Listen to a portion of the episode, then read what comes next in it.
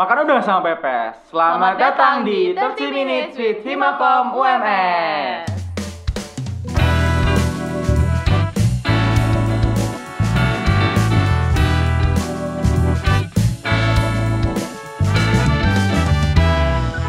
Hai Komuners Hai teman-teman komuners, balik lagi sama aku Rizal. Dan aku Nisa Pada kesempatan kali ini kita bakal bawain lagi nih masih tetap berdua dan jangan bosan-bosan Jangan ya. bosan-bosan ya iya. Pada episode kali ini kita mau bahas apa sih nih? Kita mau bahas sesuatu yang agak berat nih Zal Waduh Seberat agak- apa?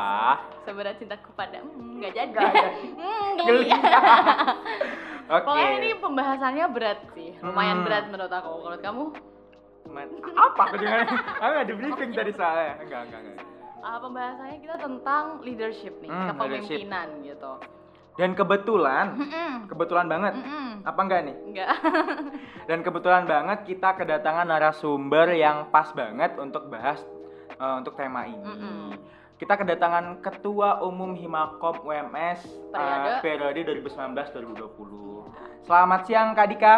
Ya, selamat siang Mas Rizal, Mbak Nisa. Halo. Kaku ya kata saya. Nanti juga cair kok, tenang aja. Waduh. Oke, oke, oke, oke, oke. Gimana nih Kak Dika kabarnya dan kesibukannya apa aja nih untuk kali ini? Oke, alhamdulillah baik eh, kabar.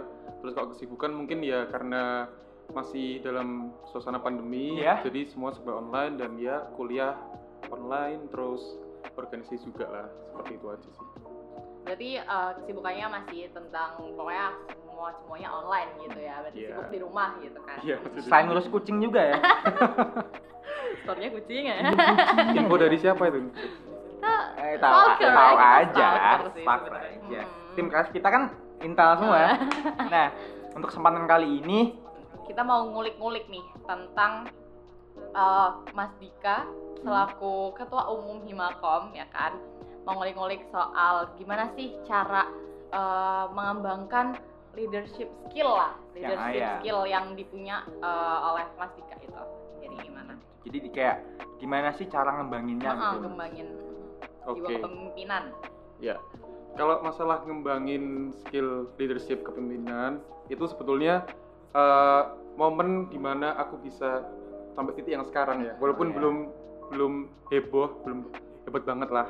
Itu waktu kuliah, Kuliah. bener-bener waktu kuliah. Jadi bisa dibilang aku sebelum eh, masuk kuliah ini masih dibilang kayak ya mahasiswa biasa lah, orang biasa gitu loh. Nggak ngerti itu apa leadership, apa itu organisasi atau itu apa manajemen yang baik itu belum ngerti. Tapi setelah masuk kuliah dan sadar karena tuntutan juga kan kita kan hidup juga apa ya mendewasakan diri proses mendewasakan diri. Itu merupakan salah satu momen yang penting sih. Jadi untuk melatih kemampuan leadership itu bisa di pertama itu teman-teman atau Mas Rizal dan Mbak Nisa itu mungkin pertama dari tuntutan lingkungan sih pertamanya. Karena eh, berapa bersaudara Mbak Nisa? Aku tiga, tiga anak ke? Anak kedua. anak kedua. Berarti punya adik kan ya? Nah nanti ke depannya kan mbak Nisa paling enggak harus bisa jadi contoh buat adiknya. Iya, benar-benar. nah itu merupakan mungkin bisa dilatih dari lingkungan dulu uh, leadership itu. Terus yang kedua uh, dari misalkan kalau mbak Nisa dan Mas Rizal punya interest ke bidang organisasi atau kepemimpinan mungkin bisa tuh sambil baca-baca kalau aku aku pun pribadi aku suka uh, seperti lihat kayak di YouTube itu seperti motivator motivator Oh, kepemimpinan itu iya. suka tapi ya itu momenku di mana bisa sampai titik sekarang tuh mulai dari kuliah sih. Bisa lihat di YouTube-nya apa? Dari Kis ya? Vlog.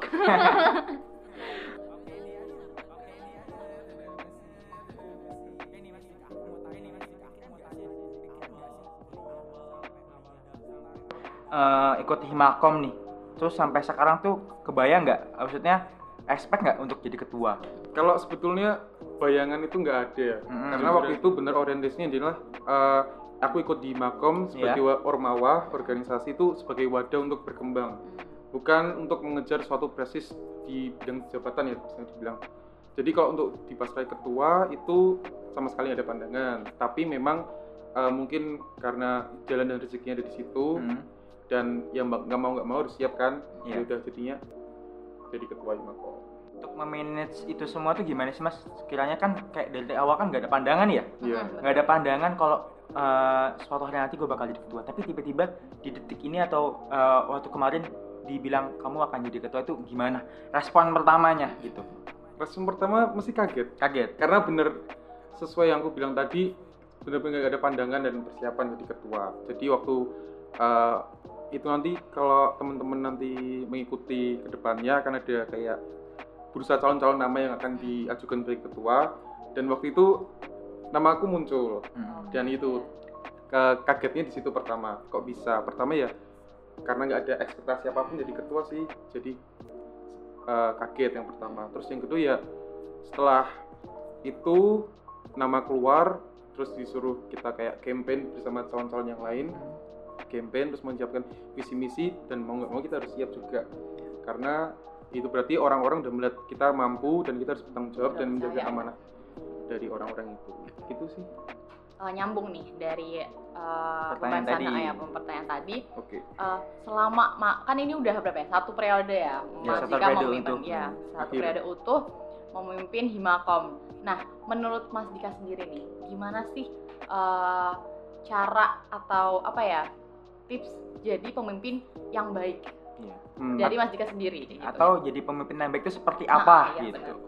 sebetulnya pemimpin yang baik itu nggak bisa terpaku sama satu orang kalau aku nanti bilang gini mungkin nanti teman-teman yang lain bisa beranggapan berbeda Iya. karena sebetulnya pemimpin itu ada masing-masing orang tuh mempunyai stylenya sendiri masing-masing tapi kalau dari aku sendiri aku tuh berusaha menerapkan sebagai pemimpin itu yang pertama harus mempunyai visi Hmm. di saat orang lain hopeless, di saat orang lain mungkin eh, bersemangat atau senang karena kesuksesan suatu acara, suatu suatu proker berhasil, suatu pemimpin itu harus mempunyai visi di mana memikirkan kemungkinan terbaik dari suatu acara yang gagal atau memikirkan kemungkinan terburuk dari suatu acara yang sukses. Jadi kita harus mempunyai visi itu tersebut dan eh, terus berusaha untuk menjaga semangat dari anggotanya. Karena sekali lagi pemimpin itu kan apa ya leader pemimpin. Ya harus berarti mengkom- mengkomandoi eh, anggota-anggotanya untuk eh, apa ya membuat sesuatu di organisasi tersebut jadi jalan dan sesuai goals yang ditentukan.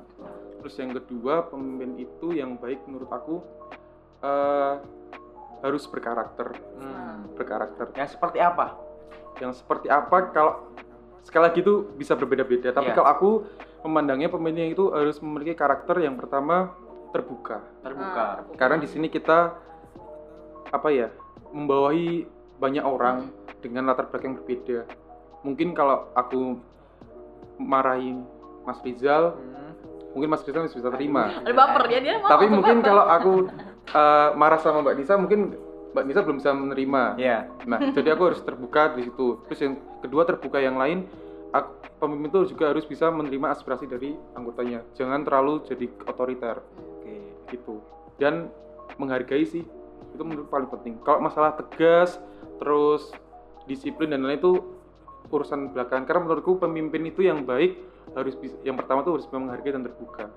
Kalau kamu bisa menghargai orang lain, kamu bisa terbuka sama orang lain, ya orang lain juga akan me- mengikuti alur tersebut. Jadi semua koordinasi dan komunikasi bisa jalan. Kalau kamu tegas, kamu disiplin doang, kamu menegakkan itu pada semua orang dengan latar belakang berbeda dan treatmentmu sama, mungkin feedback yang kamu harapkan tidak seperti apa yang kamu kasih. Bisa aja orang itu menjadi menolak apa eh, apa yang kamu kasih dan ada juga yang menerima. Tapi kemungkinannya sih kecil. Nah, Jadi Uh, nyambung nih pernah nggak sih Mas Dika tuh kayak udah kan udah menjadi pemimpin yang baik udah terbuka udah transparan udah transparan lah sama anggota-anggotanya udah apa ya intinya ngehargain saling ngehargain Hmm. tapi ada anggota yang kayak ngebandel lah is- istilahnya kayak Pasti aja Oh, ada. oh, ada ya Pasti pasti aja. ada kayak eh, istilahnya apa ya nggak ngehormatin lah atau is- istilahnya ya tadi ngebandel kayak gitu gimana Kurang sih cara respect. mm, kurang respect ah benar kurang respect gimana sih cara Mas Dika sendiri untuk menangani itu kayak gitu Oke. Kalau ditanyain hal seperti itu ya pasti ada. Karena menurutku eh, sebagus apa pun suatu pemimpin, tapi anggota tidak bisa mengikuti instruksi atau mempunyai visi sendiri, itu akan eh, berpengaruh juga ke organisasi dan orang tersebut eh, akan seperti bandel tadi kalau Mbak Nisa bilang. Dan itu sebetulnya hal yang wajar sih. Aku nggak menyalahkan eh, orang tersebut kalau misalkan dia eh, istilahnya apa ya rebel rebel sama gaya pemerintah apa gaya sistem kepemimpinan ya. Tapi eh, apa ya sebagai pemimpin aku pun juga bukan sebagai pemimpin ya ya dalam konteks Iya. pemimpin kan. Jangan paksa orang lain untuk memahami kita sebagai pemimpin. Jangan paksa orang lain harus memahami instruksi kita. Tapi paksa kita memahami orang lain dulu dulu. Hmm. soalnya itu mungkin apa ya punya satu keterkaitan sama menghargai dan keterbukaan tadi. Kalau misalkan kamu sudah mulai untuk eh, memahami anggotamu memahami anggotamu seperti apa karakter seperti apa kamu baru bisa eh, membawa suatu treatment ke organisasimu. Jadi kamu mungkin kemungkinan untuk orang melakukan bandel tadi kecil. Ya walaupun nanti tetap ada. Nah cara melakukan kalau misalkan ada yang seperti itu ya tetap aku ajak ngobrol. Sebetulnya ini maunya gimana? Maunya gimana? Tapi dalam uh, forum yang santai aja maunya gimana kita saling terbuka oh kamu kurang setuju di mana sih karena menurutku kita kan sekolah di komunikasi kan Iya. ya Iya bener komunikasi itu penting apalagi dalam menjalani sebuah organisasi dan hubungan gitu Nah, oke. Ini Mas, aku ada pertanyaan pribadi nih dari aku sendiri nih Mas. Ah, Hmm. Mungkin bisa dijawab ah, singkat juga boleh. Gimana sih cara bangun komunikasi yang baik agar ya tadi bisa kita mentreatment anggota kita, terus bisa tahu gimana dan bisa istilahnya bisa gimana ya? Mentreat lah, iya anggota kita gitu. Karena menurut aku sendiri ya, kalau dari pengalamanku sendiri, eh, kalau menjadi ketua tuh harus bisa membuat komunikasi yang baik Iya, dari benar. anggota ke ketuanya, pun sebaliknya dari ketua ke anggotanya Iya. seperti itu. Gimana sih caranya, Mas? kalau treatment yang baik itu aku tetap mengedepankan untuk komunikasi juga yang baik ke Iya. anggota-anggota. Pertama komunikasi itu sekali lagi kayak kunci dari semua hubungan dalam kepemimpinan atau apa pun tuh Hmm. mesti komunikasi kuncinya. Iya. Jadi kita kayak ngobrol dulu pertama, Hmm. terus kita ngobrol diskusi santai. Gimana nih kalau misalkan nanti mau mengadakan sesuatu yang seperti ini? Iya. nanti aspirasi kan bakal muncul tuh dari masing-masing orang seperti apa. Nah, terus kalau misalkan cara membangunnya itu pertama di komunikasi seperti itu. Terus yang kedua kita juga harus apa ya menghargailah. Kayak ini aku yang udah aku bilang ini bakal aku ulangin terus sih. Karena mungkin kunci-kuncinya itu aja yang aku terapin selama ini. Menghargai lagi. Kalau misalkan kita berbeda pendapat itu nggak apa itu wajar karena organisasi mesti dinamikanya seperti itu. Tapi di sini gimana kita caranya pintar-pintar mengolah eh, masing-masing ide dari setiap anggota untuk menjadi suatu ide yang luar biasa yang jadi goals utama dari organisasi tersebut. Jadi gitu aja sih menghargai terus tadi komunikasi. Kalau menurutku paling penting itu dua Iya. itu. Oke nih, next nih, nih. Kita ada apa nih? Ada apa? Hah? Apa? Bisa sangat tidak di briefing ya. Oke, kita ada rapid question asik. Iya. Namanya Harus rapid question, dijawab bukan dengan rapid cepat ya, Mas ya. test. Nah, kita Oke. ada pertanyaan eh, dua pertanyaan kayak misal eh, ini atau ini, dia jawabnya harus cepat. Iya. Gak boleh mikir. Bukan yes or no ya? Bukan. Bukan. Ini atau ini milih salah satu. Rapid question. Yang pertama dari aku nih ya. Mm-mm. Mocha atau boba? Nggak jawab. apa-apa, jawab mocha, mocha. Mocha.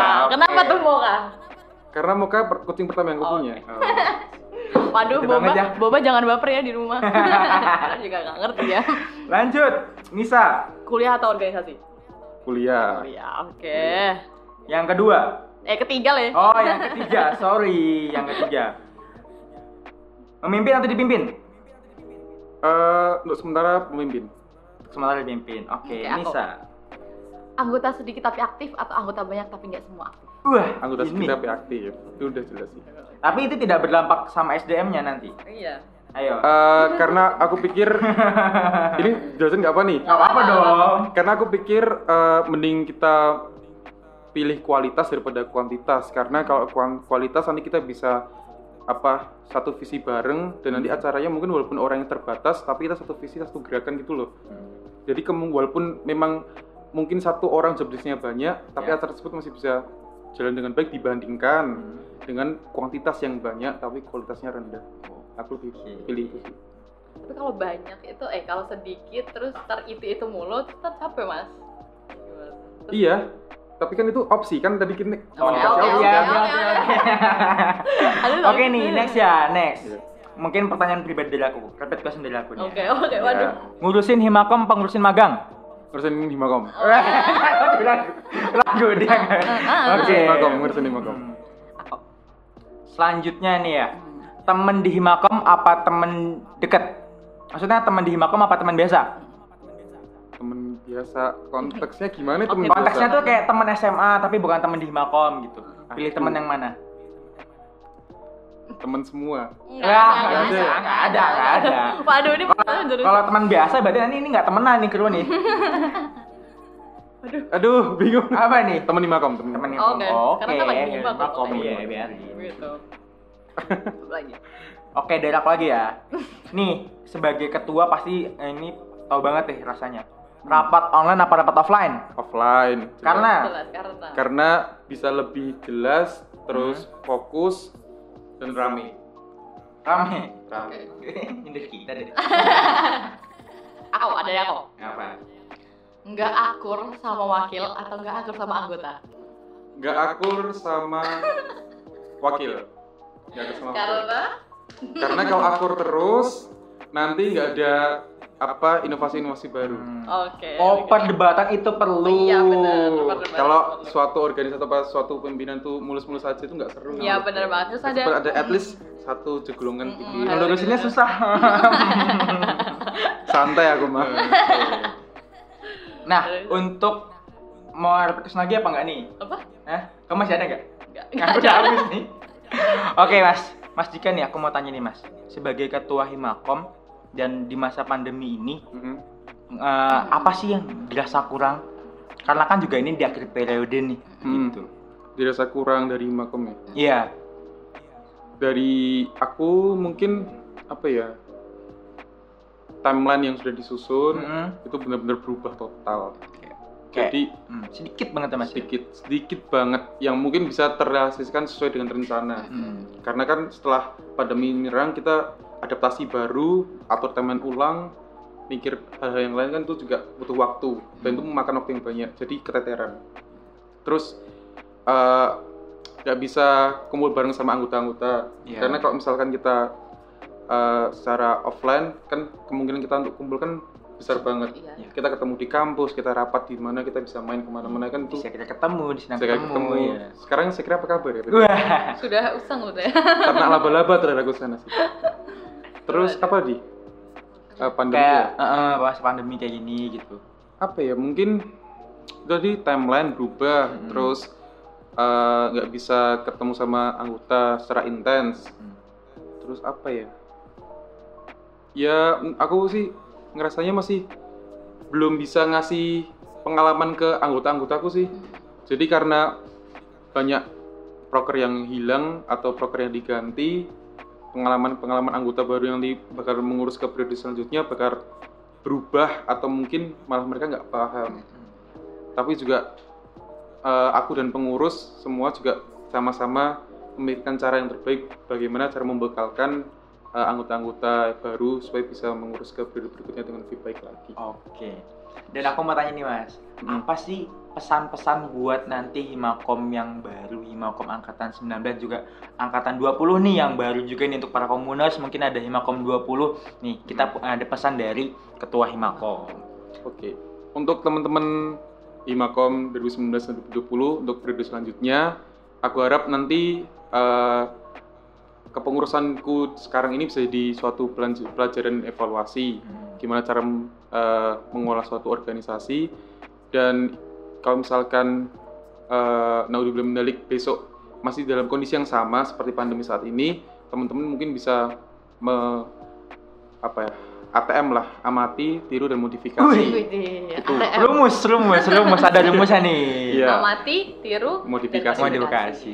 tapi aku berharapnya besok kita sudah uh, lebih baik lagi kondisinya. Jadi kita bisa Amin amin amin amin amin. uh, suatu proker secara offline secara normal. Hmm. dan mungkin aku tunggu inovasi-inovasi terbaik dari kalian. Dan tetap jaga kekompakan dan solid. Jangan uh, individual lah. Karena sini kita organisasi kita bekerja dengan orang banyak. Latar belakang yang berbeda menghargai komunikasi toleransi itu paling penting. Itu aja sih Ya jadi untuk para komuners juga mungkin ada kebutuhan eh, dari teman-teman Himakom 20 dan Himakom 19 dengar juga yang sangkatan sama aku dan Nisa itu bisa jadi sebuah pesan lah Iya, ya untuk kita kita ke depan seperti apa gitu. Pengurus ini Nisa. Hmm. Siap-siap aja ya. Aduh, apa nih? Siap-siap apa nih? Ya, gitu. siap-siap. Rizal kan Silakan yang besok kalian Aduh. Waduh, dibawa ke podcast. Aduh. Oke nih, banyak banget ya pengalaman Ah, dan banyak juga banget. tadi eh, yang diceritain sama Mas Dika gimana dan bagaimana Cara dia menjadi- itu nge-treat leader Iya, dan juga ah, anggotanya ah, seperti ah, apa. Dan juga tadi juga dari question beberapa yang ah, Aduh, aku boba yang mana ya? Boba nggak tahu. Eh, Aku besok main ke rumah tuh, besok main ke rumah. Iya, juga tanya muka ya sih. Kan tadi emang suruh milihnya Mocha atau Boba lebih milih Mocha karena yang di storyin Mocha terus. iya, bobanya anak tiri kali ya. Anak tiri ya Mas ya? Anaknya Moka. Oh, anaknya muka. Nggak penting banget. Oke, Aduh, aduh. eh, dari aku banyak banget sih pelajaran kita dapat dari eh, ceritanya Mas Diki juga tadi. Hmm. Dan eh, aku sih ya berharapnya untuk tahun ke depan ya kembali normal lagi ya Mas ya. Amin, iya. Amin. Karena jujur eh, buat aku sendiri nih ya, buat aku sendiri tuh untuk pandemi kali ini wah susah banget untuk ngembangin Mm-mm. skill aku sendiri dan bagaimana aku ya jalanin kegiatan. Takutnya nanti aku pas eh, menjalankan kegiatan yang sama, tapi kan untuk tahun ini online dan tahun depan offline tuh aku kaget wah kayak gini ya ternyata gitu. Kalau dari aku sih iya sama pengennya cepet-cepet offline ya kan. Hmm. Cuman eh, selama masa pandemi ini eh, termasuk apa ya? Aku ingin mau ngapresiasi aja sih untuk Mas Dika dan kepengurusan di tahun ini karena Hmm. ya walaupun di masa pandemi tapi kita tetap bisa kayak ya Iya, apa ngeluin proker-proker online kita juga banyak banget kan seminar online apa kunjungan online segala macam online walaupun di masa pandemi kita tetap bisa Tetap melatih produktif, iya tetap produktif iya. bisa masih bisa podcast, Podcast, bro, ini sudah terjalin itu kan podcast. termasuk Itu juga hmm. Atas Ini salah satu ide dari Mas Agripto juga sih. Wah. Oke. Sama Mbak Nia kalau nggak salah ya. Oh, iya. Disebut. Dikerap aja deh nanti. Iya. tolong diedit oke jadi mungkin itu perbincangan kita Iya, Ada- sama ketua kita ya. Hmm. Mm. Nggak mau terlalu blunder guys. Takut di eval.